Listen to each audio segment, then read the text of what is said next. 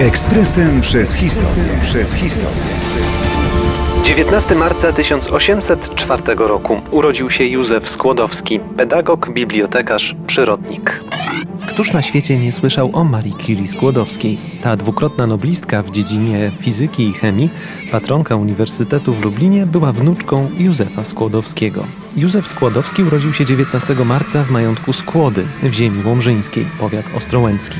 Pochodził ze zubożałej rodziny szlacheckiej herbu Dołęga. Nazwisko przodków brzmiące pierwotnie Skłodo zmieniło swą formę w początkach XIX wieku. Istnieje też wersja nazwiska Skłotowscy. Po ukończeniu gimnazjum w Łomży studiował na Wydziale Prawa Uniwersytetu Warszawskiego, a jednocześnie na Wydziale Filozoficznym Nauki Przyrodnicze.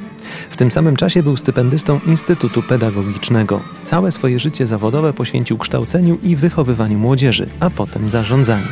Rozpoczął od szkół powiatowych, potem wojewódzkie, następnie gubernialne. Były to szkoły w Białej Podlaskiej, Warszawie, Kielcach, Łomży i Siedlcach. Tam właśnie awansował z nauczyciela przedmiotów ścisłych do zastępcy dyrektora gimnazjum. To znacznie poprawiło sytuację materialną rodziny, którą założył. Ten pierwszy etap częstych przeprowadzek i zmian zakończył się wraz z przybyciem do Lublina w roku 1851. 1 lutego 1851 roku został dyrektorem gimnazjum gubernialnego, a jednocześnie dyrektorem lubelskiej szkoły realnej. Powierzono mu nadzór nad szkołami niższego szczebla w całej guberni. W ciągu 10 lat zarządzania przyczynił się do znacznego podniesienia ich poziomu. Regularnie wizytował podległe szkoły, zatrudnił najlepszych nauczycieli przedmiotów przyrodniczych, wprowadził specjalne komisje egzaminacyjne dla nauczycieli, jak i korepetytorów. Zadbał o dyscyplinę wśród uczniów i wysokie morale zatrudnianej kadry. Skłodowski dał się poznać jako człowiek o szerokich zainteresowaniach i umiejętnościach. Uporządkował szkolne archiwum. Zaniedbaną bibliotekę szkolną doprowadził do rozkwitu. Porządkował jej zbiory, zakładał inwentarze i katalogi. Wzbogacił zbiory do 10 tysięcy tomów.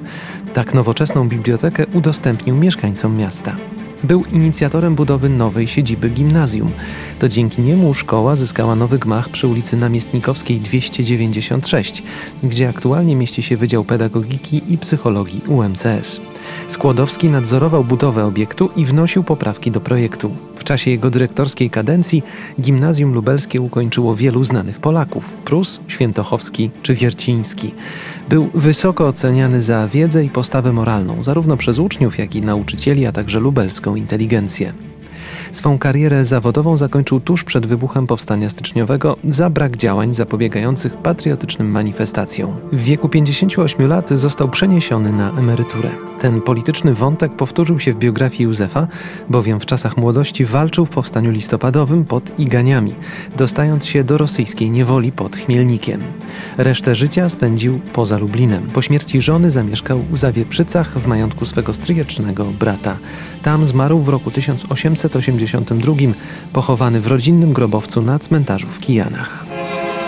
Ekspresem przez historię. Przez historię.